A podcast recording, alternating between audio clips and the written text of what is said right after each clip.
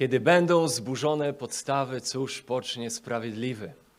Dlatego zdecydowaliśmy się spoglądać w podstawy naszej wiary, co tak naprawdę definiuje nas jako Bożych ludzi, jako chrześcijan.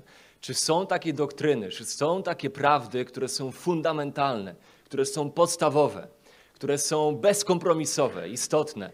Nawet więcej, pytanie się rodzi, czy jest jakaś taka jedna prawda, o której możemy powiedzieć, że jest podstawą podstaw, że jest fundamentem fundamentów. Czy jest jakaś taka jedna rzecz, jakiś taki jeden element naszej wiary, z którego możemy powiedzieć, wszystkie inne wynikają, który ma wpływ tak naprawdę na to, jak postrzegamy i rozumiemy wszystko inne i w co wierzymy odnośnie wszystkich innych rzeczy? Czy jest coś, co jest w centrum podstaw, fundamentów? Otóż wydaje mi się, że jest, a tym czymś oczywiście jest to, jak my rozumiemy autorytet w Kościele, a konkretnie jak my rozumiemy to, czym jest Biblia. To jest podstawa podstaw, to jest fundament fundamentów, to jest centrum życia Kościoła i tego wszystkiego, co my rozumiemy na nasz temat, na temat wiary, na temat pobożności. Dlatego, że wszystko inne, o czym będziemy tutaj mówić, tak naprawdę wynika z tej jednej rzeczy. Wynika z tego, jak my rozumiemy Biblię i jakie miejsce w związku z tym ona zajmuje w naszym życiu, w naszej wierze i w naszej pobożności. Więc w pewnym sensie to jest podstawa podstaw, jest to fundament fundamentów. To ona jest autorytetem w nabywaniu naszej wiedzy, nabywaniu poznania. Ona jest autorytetem w poznawaniu prawdy i w kształtowaniu wszystkiego tego, czym my jesteśmy i kim jesteśmy. Zarówno indywidualnie jako chrześcijanie, a także i jako Kościół Chrystusa. Biblia decyduje o tym wszystkim i ona jest w centrum. Biblia jako objawienie od Boga, jako natchniona przez Boga, jako autorytet Boga, a nawet konkretnie jako słowa Boga. I na to chciałbym, żebyśmy dzisiaj spojrzeli. Na Biblię jako słowa Boga. Często mówimy o Biblii jako Słowie Bożym. Wydaje mi się, że tutaj pomyślenie o Biblii w sposób, że Biblia nie tylko jest Słowem Bożym, bo czasami nie myślimy o tym, co się kryje za tym zwrotem, ale Biblia jest słowami Boga. Biblia jest słowami Boga. Te słowa, które zawierają się w tej księdze, są słowami Boga i w związku z tym są nadrzędnie ważne, są nieomylne, są wiążące, są autorytatywne. Drugi list Pawła do Tymoteusza, trzeci rozdział, wersety 16-17, czytamy tak. Całe pismo przez Boga jest natchnione i pożyteczne do nauki, do wykrywania błędów, do poprawy, do wychowywania w sprawiedliwości, aby człowiek Boży był doskonały do wszelkiego dobrego dzieła przygotowany. Paweł pisząc tutaj o naturze tego, co na tamten moment było spisanym pismem, mówi tutaj o spisanym piśmie, o spisanym słowie, używa greckiego słowa grafe, które odnosi się do tego, co zostało spisane. Mówi pasa grafy, czyli wszystko, co zostało spisane do tej pory, co wchodzi w skład pisma. Całe spisane pismo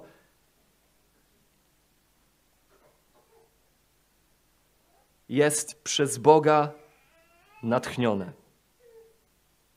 I Paweł tutaj komponuje specjalne greckie słowo, które nie istnieje nigdzie w literaturze antycznej. Składa to słowo z dwóch członów: teo, nustos, czyli Bóg i oddech. Bóg i tchnienie. I kiedy mówi o naturze słowa, mówi o naturze tego, co do tej pory leżało przed nim jako spisane słowo Pana, mówi, że to jest słowo, które wyszło z oddechu Bożego. Przez Boga jest natchnione. Przez Boga zostało wytchnione. Całe pismo, czy też wszystkie pisma są tchnieniem Bożym, mówi Paweł. Wyszły z oddechu Pana, zawierają Jego słowa. To wszystko, co zostało spisane, Paweł nie boi się powiedzieć, że jest samo objawieniem się Boga. W tym, co zostało spisane, Bóg samo objawia siebie to, kim jest. I kiedy oczywiście jako takie jest rozumiane, jako takie jest przyjęte, to spisane słowo, no to ono oczywiście musi, powinno stanąć w centrum naszej wiary i naszego życia.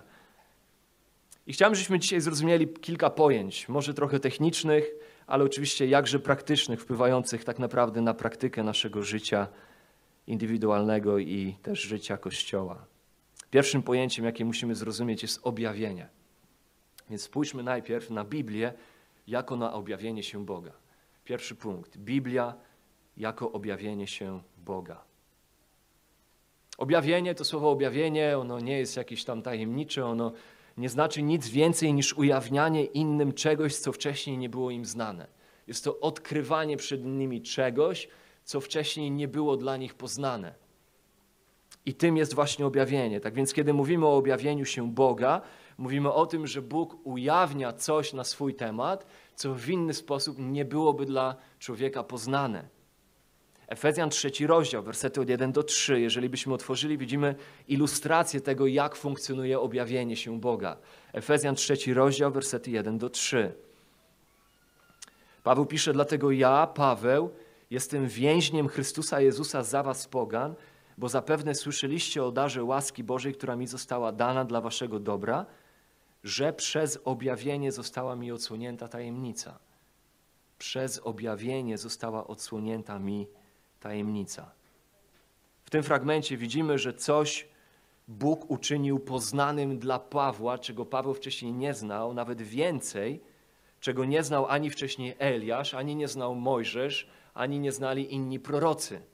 Jest to coś, co było ukryte, a teraz poprzez objawienie Bóg uczynił to poznanym dla Pawła. Uczynił dla niego poznanym tą tajemnicę. I objawienie jest tym, przez co czym się Bóg posłużył, aby uczynić to dla niego poznanym. Tutaj w kontekście oczywiście jest mowa o Kościele, o tym, jak w tym czasie po Chrystusie Bóg buduje swój Kościół, swój lud składający się z chrześcijan pochodzenia żydowskiego i z pogan, i jak to były rzeczy niepojęte wcześniej dla świętych Starego Testamentu, natomiast zostały ujawnione, objawione, odkryte przed Pawłem i Paweł przekazuje teraz to objawienie. Innymi słowy, do poznania Boga nie doszedł Paweł przez badanie Go, nie doszedł do poznania objawienia jakiejś prawdy o Bogu przez wpatrywanie się w siebie, w swój rozum, w domysły, w tradycję, w wychowanie, w logikę. Objawienie to jest coś, co ukazuje nam jakąś prawdę, która inaczej nie jest dla nas poznana, więc to poznanie musi przyjść z zewnątrz. Ono musi być przed nami odkryte. I tak też Słowo Boże pokazuje, że cokolwiek, co my o Bogu możemy poznać, musi nam zostać objawione. Nie jest istotne w pytaniu, kiedy ktoś by zapytał nas, jaki jest Bóg albo kim jest Bóg. Jeżeli ktokolwiek miałby odpowiedzieć, zaczynając od słów, myślę, że, czy wydaje mi się, że, trzy kropek, to już na starcie jest błędna odpowiedź. Dlatego, że my nie dochodzimy do poznania prawdy o Bogu w oparciu o to, co my myślimy, czy co nam się wydaje, co jest dla nas logiczne, co dla nas jest zgodne z naszym rozumem, co zgadza się z naszą tradycją i z naszym wychowaniem. Prawda, którą my musimy poznać o Bogu, musi zostać przed nami odkryta, musi być nam ujawniona. I to jest właśnie objawienie. Objawienie oznacza odkrywanie przed nami prawdy, która inaczej pozostałaby dla nas niepoznana. I do poznania Boga dochodzimy na podstawie Jego objawienia się nam, Jego objawiania się nam. A to osobiste objawianie się Boga oczywiście ma miejsce w Piśmie, ma miejsce w Biblii. Jak to? Skąd to wiemy? Skąd to wiemy, że samo objawienie się Boga znajduje się właśnie w Biblii, znajduje się w Piśmie? Kilka powodów. Po pierwsze, Otóż Biblia sama uważa siebie za boskie objawienie. Sama o sobie mówi jako o boskim objawieniu, jako o objawieniu się Boga. No ktoś może powiedzieć, to jest błędne myślenie, to jest błędne koło. Czyli dlaczego Biblia jest natchniona? No bo mówi, że jest natchniona. No ale dlaczego Biblia mówi, że jest natchniona? No bo jest natchniona. I ktoś by mógł tutaj zarzucić, no to jest błędne rozumowanie, to jest takie kręcenie się w kółko, w kółko Macieja, zbieżność imion przypadkowa. Otóż oczywiście to jest w pewnym rodzaju takie koło, myślenie w kółko, które się samo zamyka w sobie. Jest to kręcenie się w koło i ono jest nieuniknione tak naprawdę. Kiedy ktoś zarzuca, że, że tutaj posługujemy się argumentacją, która jest argumentacją kręcącą się w koło, to tak naprawdę tego rodzaju argumentacja jest nieunikniona dla kogokolwiek, nie tylko w kwestiach wiary, ale w ogóle w życiu jest nieunikniona, szczególnie w kwestiach, w których chcemy odnieść się do tego, co jest dla nas nadrzędnym autorytetem. Inaczej.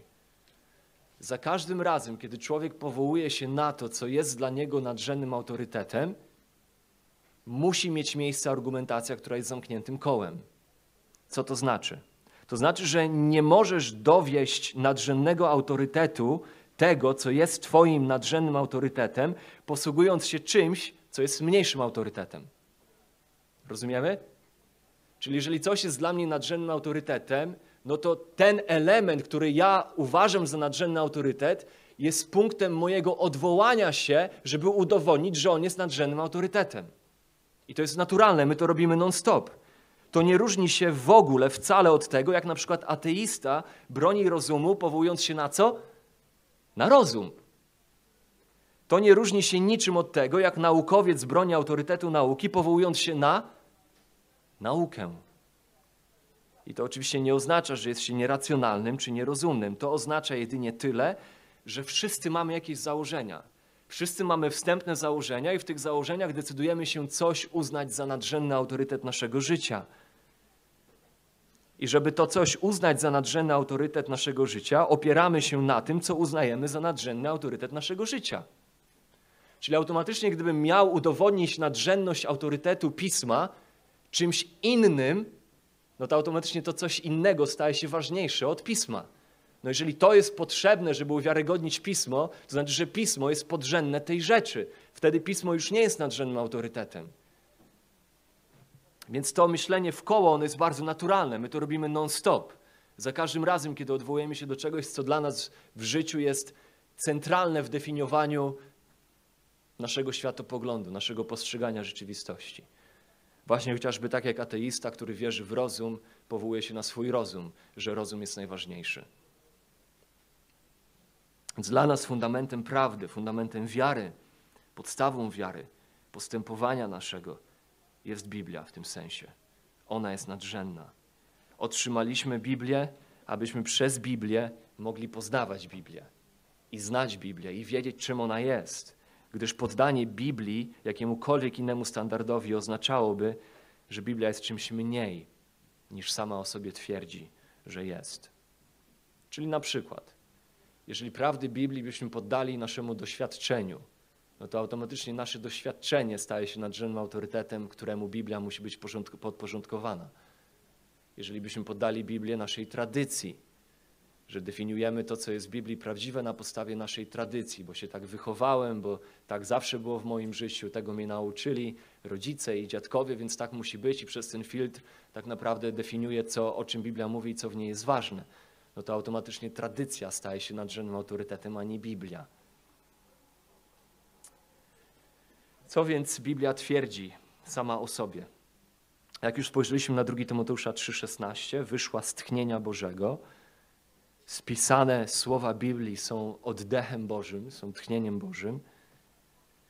Pierwszym sposobem, w jaki Biblia sama o sobie mówi, że jest objawieniem Boga, to chociażby to, jak 3800 razy mniej więcej w Biblii pojawiają się zwroty typu Bóg powiedział, oto doszło mi słowo Pana tej treści, lub tak mówi Pan. Już w pierwszej Mojżeszowej, w 15 rozdziale, w pierwszym wersecie, tam ten zwrot pojawia się po raz pierwszy w Biblii. Po tych wydarzeniach doszło Abrama w widzeniu następujące słowo Pana. Doszło go słowo Pana. Nie bój się, Abramie, jam tarczą Twoją, zapłata Twoja będzie sowita. I czytając Biblię na pewno już rzuciło Wam się to w oczy. Szczególnie w Starym Testamencie, jak często te zwroty się pojawiają. Kiedy prorocy stawali przed ludem Bożym, aby przekazywać im prawdy na temat Boga, mówili: Oto słowo Pana tej treści. Drugim sposobem, w jaki Biblia ukazuje siebie jako objawienie Boga, jest to, jak często słowa ludzi przypisane są Bogu. No bo ktoś mógłby powiedzieć, no tak, ale to wtedy tylko te słowa, które prorocy deklarują jako słowa Boga, są słowami Boga, a wszystko inne już jest mniej słowami Boga. No otóż ciekawym jest to, jak Biblia ukazuje siebie jako objawienie Boga w tym, że słowa ludzi są przypisane niejednokrotnie Bogu. Spójrzmy na Hebrajczyków pierwszy rozdział. Warto tutaj zapamiętać ten przypis. Hebrajczyków pierwszy rozdział, w siódmym wersecie czytamy. O aniołach wprawdzie mówi. Aniołów swych czyni on wichrami, a sługi swoje płomieniami ognia. Pytanie, kto mówi? Kto mówi? O aniołach wprawdzie mówi. Kto jest tym, który mówi? Hebrajczyków 1,7. No w kontekście, jakbyśmy się cofnęli kilka wersetów, w tym, który mówi, jest Bóg. To jest ten, który przemówił przed dawnymi wieki wieloma sposobami do proroków, do ojców przez proroków. To jest ten, który w czasie ostatecznym przemówił nadrzędnie przez swojego Syna. I to jest ten, który mówi. I on jest tym, który mówi w siódmym wersecie o aniołach, aniołów swych czyni wichrami, a sługi swoje płomieniami ognia. Z tym, że te słowa tutaj są cytatem psalmu 104, wersetu 4. Autor Hebrajczyków przywołuje słowa tak naprawdę psalmisty. Jeżeli byśmy się cofnęli do psalmu 104, wersetu 4, widzimy, że tam tych słów nie wypowiada Bóg. Tam te słowa wypowiada autor psalmu. Otóż słowa psalmu 104 są słowami psalmisty, ale w mniemaniu autora listu do Hebrajczyków są nadrzędnie słowami Boga. I tych przykładów jest dużo więcej. Nawet w Hebrajczyków w drugim rozdziale.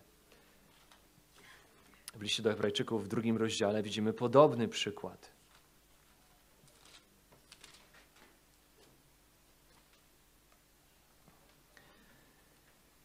Od wersetu szóstego, lecz Chrystus jako Syn był ponad domem Jego, a domem Jego my jesteśmy, jeśli tylko aż do końca zachowamy niewzruszenie ufność i chwalebną nadzieję, dlatego jak mówi Duch Święty, dziś, jeśli głos Jego usłyszycie, nie zatwardzajcie serc waszych, jak podczas buntu w dniu kuszenia na pustyni.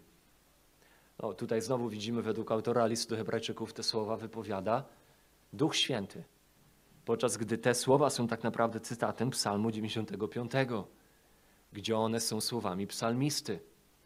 W Psalmie 95, jeżeli otworzylibyśmy Psalm 95, nie ma absolutnie nic o tym, żeby Duch Święty cokolwiek mówił. Tam mówi psalmista. Natomiast autor listu Hebrajczyków rozumie, że słowa Psalmu 95, mimo że są słowami psalmisty, to tak naprawdę nadrzędnie, ostatecznie są słowami Ducha Bożego. Trzecim sposobem, w jaki Biblia twierdzi, że jest objawieniem Boga, jest to, jak sam Pan Jezus autoryzował Biblię jako słowa Boga. To, co Biblia mówi sama o sobie, kiedy powołuje się na te stwierdzenia, tak powiedział Pan, to, jak Biblia przypisuje boskie autorstwo nawet słowom ludzkim i to, jak sam Pan Jezus autoryzował Biblię jako słowa Boga. Otwórzmy Mateusza, piąty rozdział, wersety 17-18. Znowu bardzo ważny fragment w tej kwestii.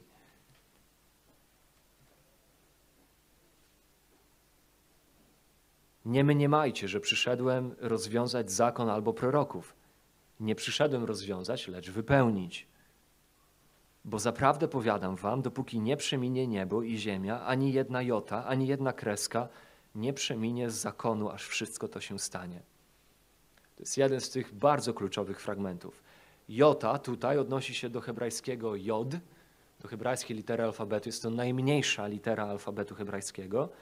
A kreska, o której mówi tutaj Jezus, odnosi się do najmniejszego symbolu stosowanego w piśmiennictwie hebrajskim. To jest symbol, który używany był w piśmiennictwie, żeby odróżnić dwie litery, które wyglądały do siebie bardzo podobnie i bardzo często były mylone między sobą.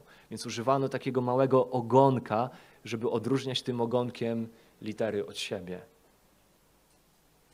Samo jod, hebrajskie jod, występuje 66 420 razy w Starym Testamencie, w hebrajskim piśmie. A Jezus mówi, że dopóki nie przeminie niebo i ziemia, nie przeminie żadne jod. Żadna jota z 66 420. Żadna z nich nie przeminie. Nawet najmniejsza kropka, najmniejszy symbol, najmniejsza kreska z tego, co jest nazwane zakonem i prorokami. Czyli tak naprawdę cały Stary Testament. Nic z niego nie przeminie. Oto jak sam Jezus oceniał słowa, spisane słowa Starego Testamentu. Jak mocno wiążące, jako te, w których Bóg objawił siebie, objawił siebie przemawiając przemawiając w Starym Testamencie i ostatecznie w końcu przemawiając przez swojego Syna. Otwórzmy Hebrajczyków jeszcze raz, pierwszy rozdział, wersety 1-2. Hebrajczyków, pierwszy rozdział, wersety 1-2. Wielokrotnie i wieloma sposobami przemawiał Bóg dawnymi czasy do ojców przez proroków. do ojców przez proroków odnosi się oczywiście właśnie do Starego Testamentu. Bóg w Starym Testamencie przemówił. Tam jest Jego głos. Tam zawarte są Jego słowa. Stary Testament jest przemową Boga do człowieka. Nie jest kolekcją mądrości ludzkich, nie jest kolekcją jedynie religijnych wywodów, religijnych zabobonów, ale jest słowami samego Boga, jest samoobjawieniem się Go. Stary Testament to Bóg mówiący do ojców przez proroków. I czytamy dalej. I ostatnio, u kresu tych dni, przemówił do nas przez Syna. W tych ostatnich dniach, tutaj znowu to znaczy w dniach od przyjścia na świat Jezusa Chrystusa, Bóg przemówił ponownie. A tym, przez którego przemówił, jest Jego Syn. I tak Ewangelia, Ewangelia Mateusza, Marka, Łukasza, Jana są relacją Boga, który mówi, który deklaruje prawdę i objawia siebie przez swojego Syna. Dzieje apostolskie są relacją Boga mówiącego poprzez rozgłaszanie przesłania o Synu, który zmartwychwstał i wstąpił do nieba i Jego ludzie idą i rozgłaszają prawdę o Nim. Listy są relacją Boga mówiącego do nas indywidualnie i do nas jako do Kościoła o tym, jakie Syn ma dla znaczenie dla naszej wiary i dla naszej pobożności, naszego postępowania. Księga Objawienia jest słowami Boga na temat zakończenia, na temat kulminacji historii świata, kiedy to Syn wraca w chwale, by ustanowić swoje panowanie na wieki. Stary Testament to Bóg mówiący i objawiający siebie, i Nowy Testament to Bóg mówiący i objawiający siebie ostatecznie przez swojego Syna, który jest wypełnieniem wszystkiego, na co Stary Testament wskazywał i rzucał cień. Cała Biblia jest samo objawieniem się Boga. To w słowach Biblii Bóg odkrywa zasłonę dla nas i pozwala nam poznać to, co inaczej pozostałoby dla nas niepoznane. Mówi nam o tym, kim jest, jakie są Jego atrybuty, jaki jest Jego charakter, jakie są Jego wartości. Mówi nam o tym, czego On pragnie, czego żąda, czego oczekuje, co Jemu się należy, czego nie akceptuje, co osądzi. Mówi o tym, jak jest święty, jak musi osądzić grzesznika i grzech. Choć jednocześnie mówi o tym, że jest tym, który okazuje łaskę i przebacza grzech. Więc Biblia, spisane słowa Pisma są samo objawieniem się Boga, który w swoim Synu okazuje się Zbawicielem. Drugim pojęciem, które musimy zrozumieć, jest natchnienie. Natchnienie. Kwestia natchnienia jest w pewien sposób sposobem, w jaki Bóg się objawił. Objawienie odnosi się do pochodzenia Biblii. Ona pochodzi od Boga, jest słowami Boga. Natchnienie odnosi się do sposobu powstania Biblii, czy dotarcia tego objawienia do nas. O tym mówi natchnienie. Jak objawienie do nas dotarło? Więc spójrzmy na drugi punkt, czyli Biblia jako natchniona przez Boga. Biblia jako natchniona przez Boga. Jak rozumieć to, iż z jednej strony, patrząc na Biblię, mamy do czynienia z autorem boskim, o czym mówiliśmy do tej pory, a z drugiej strony z autorem ludzkim. No przecież Biblię napisali ludzie. Jak rozumieć to, że choć Biblię napisali ludzie, no to napisał ją Bóg. Tutaj właśnie istotna jest doktryna Bożego natchnienia. Drugi list Piotra, pierwszy rozdział, wersety 20 do 21. Kolejny kluczowy fragment, który wszyscy powinniśmy znać. Nawet jeżeli nie na pamięć, to powinniśmy wiedzieć, że on tam się znajduje właśnie pod tym adresem. Drugi Piotra 1, 20 do 21. Będę czytał z przykładu Biblii dosłownej, ponieważ on oddaje poprawnie znaczenie języka greckiego. Jeżeli ktoś ma Warszawkę, no to niestety warto sobie tam ewentualnie na marginesie parę poprawek dopisać. Przede wszystkim wiedzcie to, że żadne proroctwo pisma nie pochodzi z własnego wyjaśniania lub jak inny przykład mówi, z własnych przemyśleń. Gdyż proroctwo nie było nigdy przyniesione z woli człowieka, lecz wypowiedzieli je ludzie od Boga, niesieni przez Ducha Świętego. Żadne proroctwo pisma no, odnosi się nie do przepowiadania przyszłości, dlatego że słowo proroctwo w Piśmie Świętym w ogóle rzadko odnosi się do przepowiadania przyszłości. My zazwyczaj, jak myślimy o prorokowaniu, to myślimy o przypowiadaniu tego, co ma nastać. Natomiast biblijne słowo proroctwo odnosi się do, do deklarowania prawdy objawionej przez Boga. I czasami ta prawda objawiona przez Boga dotyczy rzeczy, które mają nadejść, i oczywiście proroctwo w tym aspekcie może do tego się odnosić. Natomiast w przeważającej części proroctwo w Piśmie Świętym funkcjonuje jako deklaracja prawdy objawionej przez Boga tym, którzy tę prawdę mieli ogłosić. Więc tutaj proroctwo nie odnosi się do przepowiadania przyszłości, ale jest ogólnym terminem oznaczającym przesłanie, ogłaszanie objawienia Bożego. Żadne proroctwo, żadne proroctwo, żadne przesłanie nie pochodzi z własnych przemyśleń. Żadne proroctwo pisma, pisze Piotr. Znowu mamy tutaj to greckie słowo grafe, które odnosi się do pisma spisanego. Nie odnosi się do słowa mówionego, ale do słowa spisanego. Żadne proroctwo spisane, żadne przesłanie Bożego objawienia, które do tej pory, do tego momentu, w którym Piotr pisze ten list, funkcjonowało jako spisane Boże Słowo, nie przyszło z własnych przemyśleń ludzkich. Nie pochodzi z własnej inwencji ludzkich autorów. Nie pochodzi z ich własnych przemyśleń, z ich własnego serca, ich własnego rozumu. To znaczy, że żadne słowo tej księgi nie ma swojego źródła w człowieku. Lecz, czytamy werset 21, końcówka tego wersetu, wypowiadali je ludzie od Boga, niesieni przez Ducha Świętego.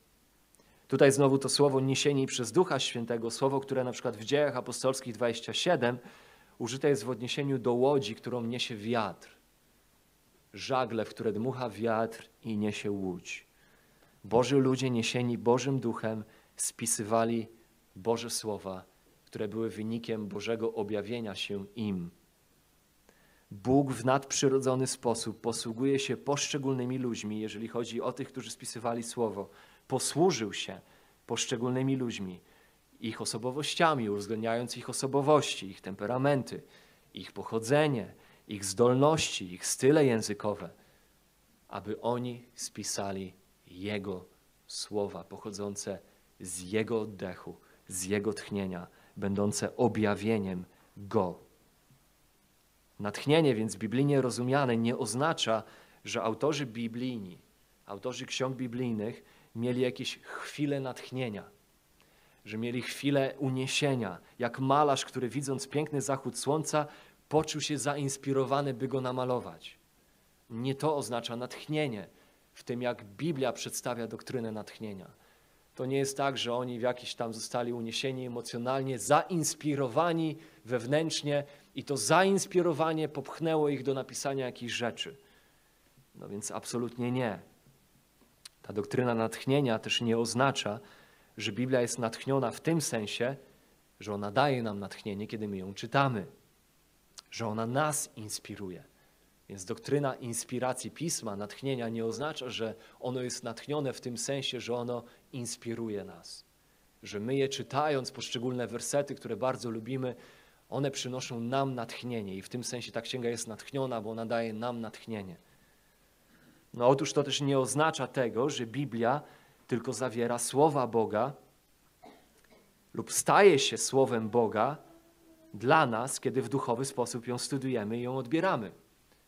Doktryna natchnienia nie oznacza, że ta księga tylko zawiera jakieś tam słowa Boga, albo nawet więcej, jak niektórzy uważają, że słowa tej księgi dopiero stają się słowem Boga dla ciebie, kiedy ty zaczynasz je czytać, medytować nad nimi i one zaczynają w tobie działać, jakoś ciebie poruszać. I w to jest natchnienie pisma. Każdy z takich sposobów rozumienia natchnienia był obcy Piotrowi, był obcy wszystkim autorom Biblii.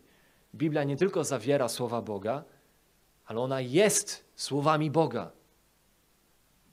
To nie jest tak, jak uważają liberalni teolodzy lub tacy tak zwani neoortodoksyjni, jak na przykład bardzo znana postać Karl Barth, że tylko przesłanie Biblii, że tylko jej idee, kluczowe idee Biblii, koncepty Biblii są Słowem Bożym.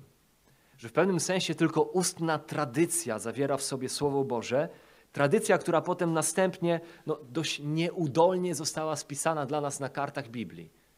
Dlatego w naszym studiowaniu Bożego Słowa nie powinniśmy tak, tak bardzo być skrupulatni, wnikać w to, co mówi tekst, wnikać w paragrafy, w zdania, w treść tego, co jest tutaj napisane, dlatego że Boże Słowo nie zawiera się w słowach tej księgi, tylko Boże Słowo zawiera się w ideach, w koncepcjach tej księgi, w przesłaniu tej księgi.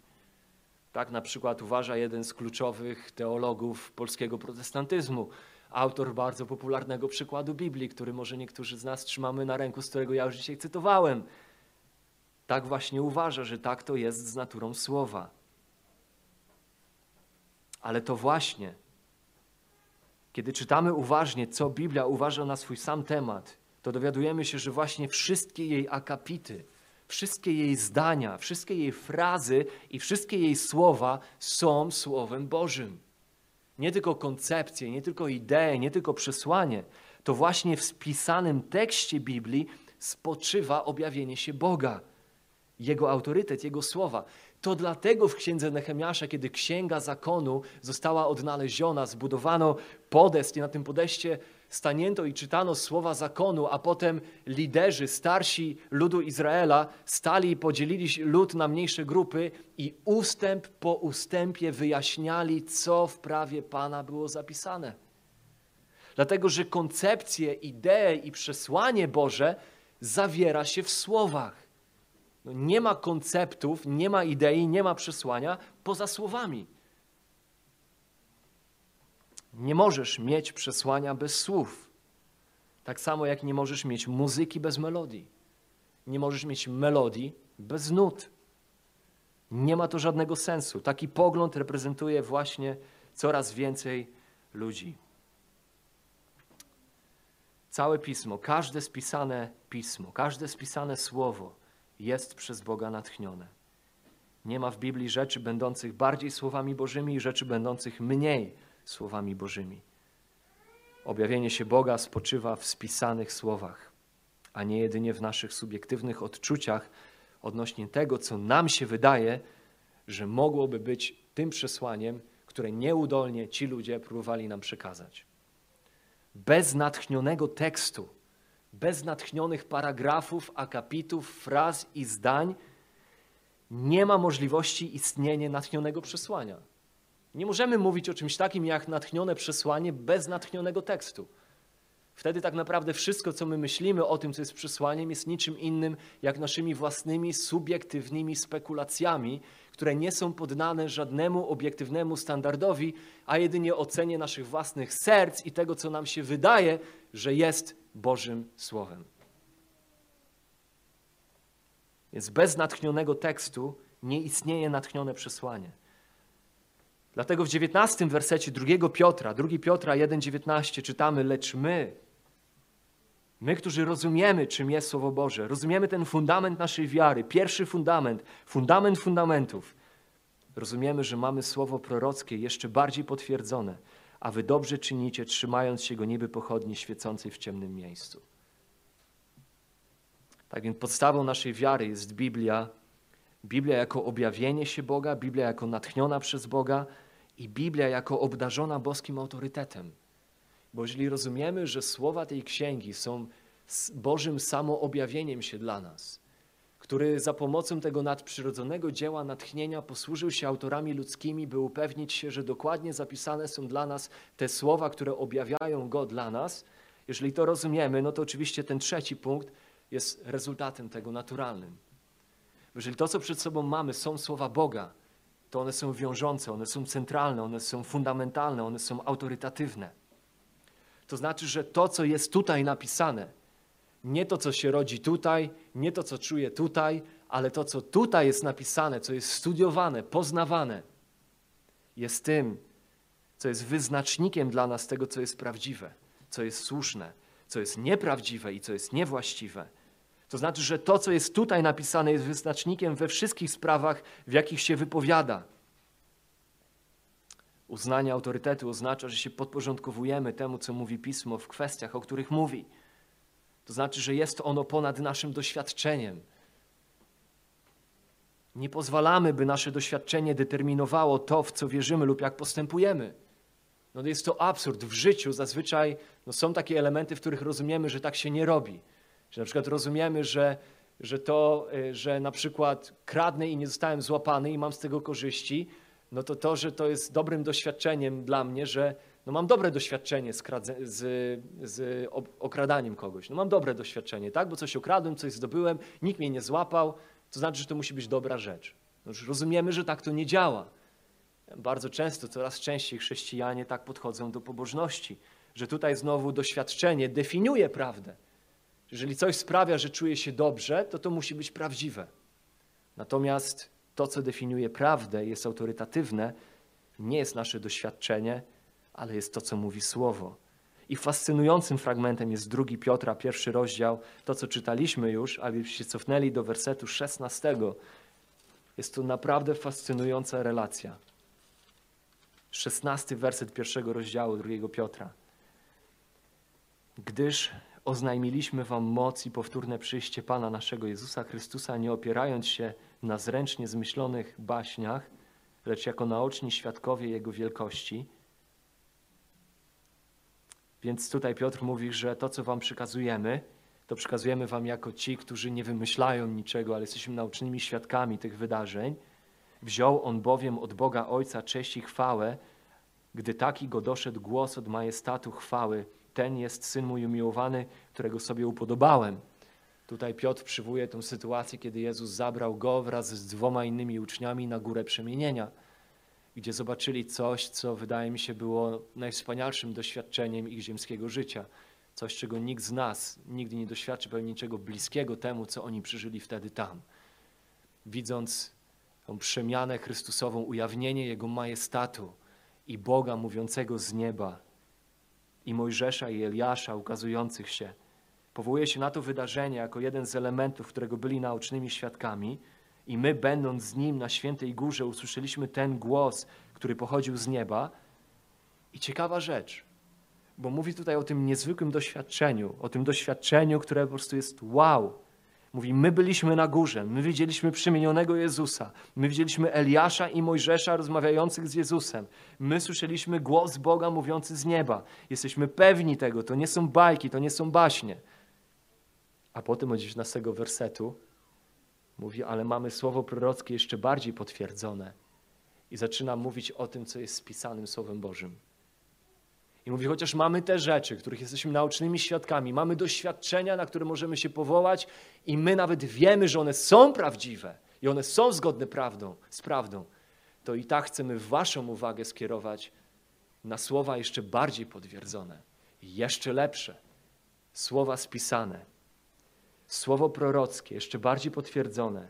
Trzymajcie się go niby pochodni świecącej w ciemnym miejscu, wiedząc, werset 20, że wszelkie proroctwo spisanego pisma nie podlega dowolnemu wykładowi, czy nie pochodzi z własnych przemyśleń, ale pochodzi z Boga, od Bożych ludzi, których Bóg niósł swoim Duchem Świętym. Fascynujący fragment. Jak nawet dla samego Piotra spisane słowo było nadrzędne ponad jego własnym doświadczeniem. To znaczy, że pismo jest autorytatywne nad rozumem. Jest autorytatywne nad rozumem. To oczywiście nie oznacza, że kiedy czytamy Biblię, to rozum zostawiamy za drzwiami. To oznacza, że pismo jest autorytatywne nad racjonalizmem czy naturalizmem, który jest takim autorytetem obdarzonym dzisiaj, obdarzony dzisiaj. Naturalizm, racjonalizm definiują prawdę w oparciu tylko o to, co się mieści w ludzkim pojęciu. Jeżeli coś się nie mieści w moim pojęciu, to to prawdziwe być nie może.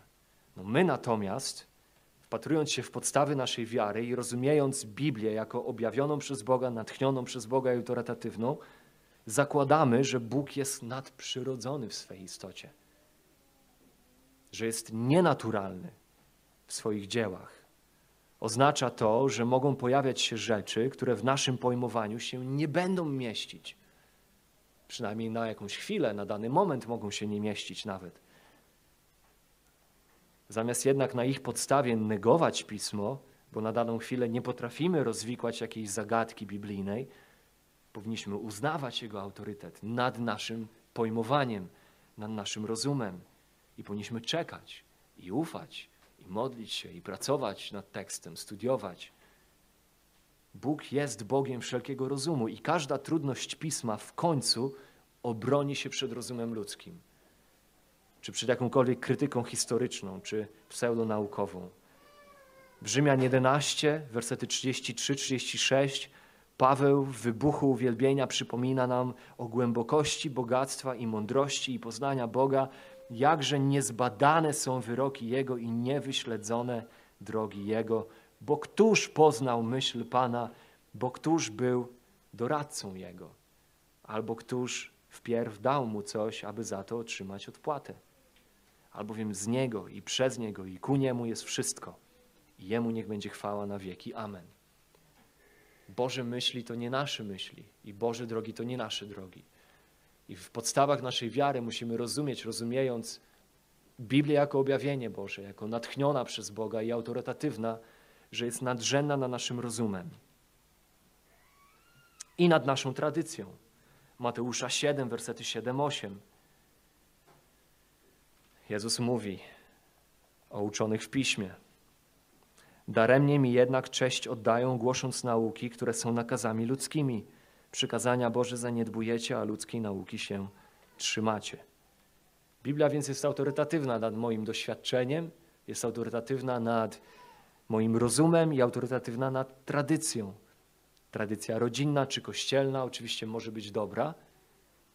Starożytne wyznania wiary mogą być dobre, mogą nam pomagać zrozumieć wiele rzeczy językowo potrafią wiele rzeczy doskonale spoić, zawrzeć w zwięzłej treści, ale ostatecznie żadna z tych rzeczy nie jest wyznacznikiem prawdy. Każda z tych rzeczy musi być podporządkowana autorytetowi słowa. Każda tradycja musi być oceniona przez słowo i poddana słowu, inaczej powinna być odrzucona hasłem reformacji, które my także przyjmujemy jako nasze, rozumiejąc tę podstawę naszej wiary, czyli naturę Bożego Słowa, Biblii, jest sola scriptura. Tylko pismo.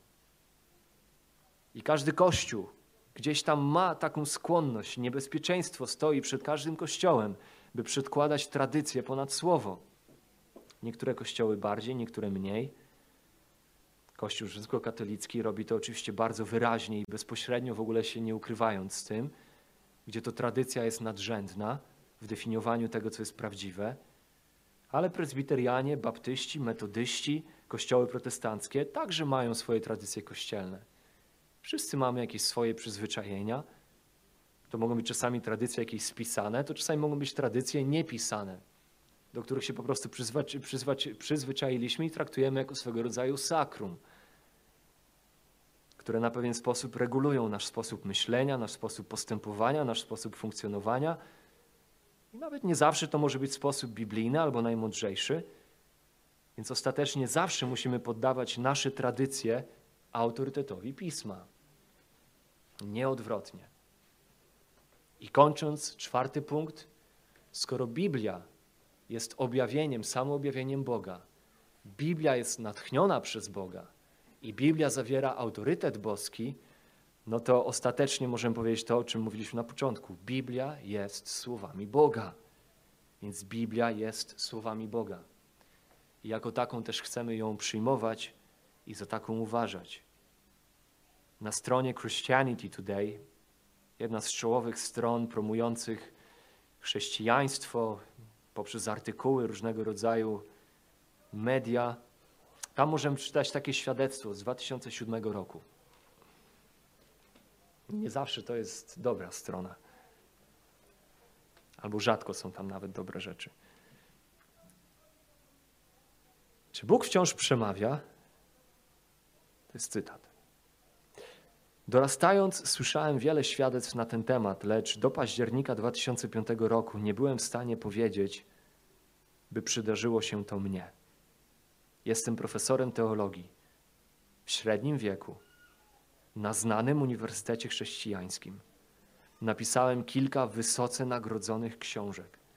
Latami nauczałem, że Bóg przemawia, lecz sam nigdy tego nie doświadczyłem. Ale teraz mogę to zrobić. I rok po usłyszeniu głosu Boga wciąż nie mogę mówić, czy nawet myśleć o mojej konwersacji z Nim bez bycia owładniętym przez emocje. Dalej ten mężczyzna w tym świadectwie opowiadał o swoim doświadczeniu, o tym, jak w nadprzyrodzony sposób miał konwersację z Bogiem i Bóg powiedział mu, jak ma napisać swoją kolejną książkę. Bóg nawet mu powiedział, jaki ma nadać tytuł tej nowej książce, a następnie, jak Bóg pokierował go, by użył pieniędzy ze sprzedaży tej książki, by pomóc pewnemu młodemu człowiekowi pójść do szkoły, zdobyć wykształcenie i zaangażować się w służbę w kościele. Artykuł cały kończy się tym, jak to, to konkretne doświadczenie w niezwykły sposób wzmocniło jego wiarę, wiarę tego profesora teologii. Także w końcu, w końcu, że w końcu mógł usłyszeć głos Boga, jak Bóg przemówił do niego osobiście. Zauważcie, co takie świadectwo sugeruje. Podobne świadectwa słyszałem niedawno na obozie, na którym miałem okazję nauczać. Bardzo podobne świadectwo było tam. Co takie świadectwo sugeruje? Ono sugeruje, że Bóg zazwyczaj nie mówi do nas osobiście. Albo że do większości nas, z nas nawet nie mówi osobiście. Takie świadectwa sprawiają, że to, jak Bóg mówi przez pismo, przez spisane słowa swojej księgi, jest mówieniem jak najbardziej, ale mówieniem gorszej kategorii. Nie jest takim osobistym mówieniem, nie jest takim cennym i wartościowym mówieniem.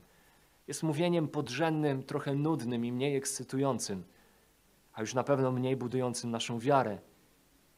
Prowadzi to do takiej postawy, tego rodzaju świadectwa. Prowadzę do postawy, która mówi: No super, że mamy Biblię, lecz jakimż skarbem by było to, że Bóg przemówiłby do mnie naprawdę. Otóż, kochani, Bóg przemówił do nas naprawdę. I Bóg przemówił do nas osobiście. I robi to teraz, za każdym razem, kiedy otwieramy Jego Słowo. To jest podstawa naszej wiary. To jest fundament fundamentów. To jest coś, co jako chrześcijanie musimy rozumieć, że leży u podłoża tego wszystkiego, kim my jesteśmy i co my wyznajemy, jak my żyjemy i jak postępujemy. Bóg przemówił do nas prawdziwie, przemówił doskonale, przemówił wiążąco, nieomylnie, wyraźnie, efektywnie. Każdy z nas może usłyszeć głos Boga osobiście, za każdym razem, nawet teraz, otwierając Biblię, Jego Słowo. Wierzymy, że ta księga jest słowami Bożymi. Ona definiuje i dyktuje dla nas wszystko, w co wierzymy, jak żyjemy, właśnie z powodu tego, czym jest. Czym jest. Czym jest ta księga. I kiedy zrozumiemy, czym ta księga jest, że jest ona słowami Bożymi, no to zaczynamy rozumieć jej centralność, jej ważność, jakie miejsce ona powinna zajmować w naszej codzienności, w naszej pobożności, a także i w Kościele. Bóg swoim słowem daje życie. Mówiliśmy o tym kilka miesięcy temu, kilka tygodni, nawet w przypadku y, kazania na temat miecza ducha, którym jest Słowo Boże ze zbroi Bożej. To Słowo daje życie, Bóg swoim słowem daje wzrost. Jeśli ta księga jest Jego słowem, ta księga jest Jego słowami, to poznawanie, głoszenie, słuchanie, przyjmowanie i zastosowanie słów tej księgi jest tym, co daje życie i co buduje życie. Słowo Boże zawsze było w centrum życia Bożych ludzi i pragniemy, aby podobnie było w centrum naszego. W czasie reformacji Kościół rzymskokatolicki posługiwał się łacińskim wyrażeniem, które stało się czymś w rodzaju jego motto w okresie reformacji semper idem ten łaciński zwrot oznaczał zawsze taki sam. Kościoły reformowane, kościoły protestanckie wtedy również miały motto ze słowem semper. Ecclesia reformata semper reformanda secundum verbum Dei. Semper reformanda. Semper idem, zawsze taki sam, hasło Kościoła rzymskiego. Semper reformanda, hasło protestanckiego kościoła, czyli kościół reformowany i stale reformujący się według Słowa Bożego. Semper reformanda secundum verbum Dei. Zawsze reformujący się według Słowa Bożego. Ci ludzie powracając do korzeni wiary chrześcijańskiej zrozumieli, że zdrowy, biblijny, chrześcijański, prawdziwy Kościół Jezusa Chrystusa to Kościół, który słucha i słyszy, słyszy i słucha słowa Boga, tego, które zostało spisane na kartach Biblii, zawsze będąc przez nie na nowo kształtowany i formowany, stale będąc przez to słowo obmywanym i uświęcanym w Bożej prawdzie. I to właśnie dlatego między innymi każdej niedzieli stajemy przed Wami za tą kazalnicą. W stosunkowo długim kazaniu, skrupulatnie wpatrując się w zdania, frazy, akapity, paragrafy tej księgi, nie dlatego, że lubimy gramatykę, ale dlatego, że wierzymy, że Bóg przemówił i że Jego samo objawienie się zawarte jest w słowach tej księgi. Jeżeli mamy zrozumieć wszystko, co Bóg chce do nas powiedzieć, musimy, musimy zrozumieć słowa, którymi się posłużył, by przekazać nam prawdy o tym, kim On jest i co jest dla nas wiążące i centralne i autorytatywne. Pochylmy głowy w modlitwie.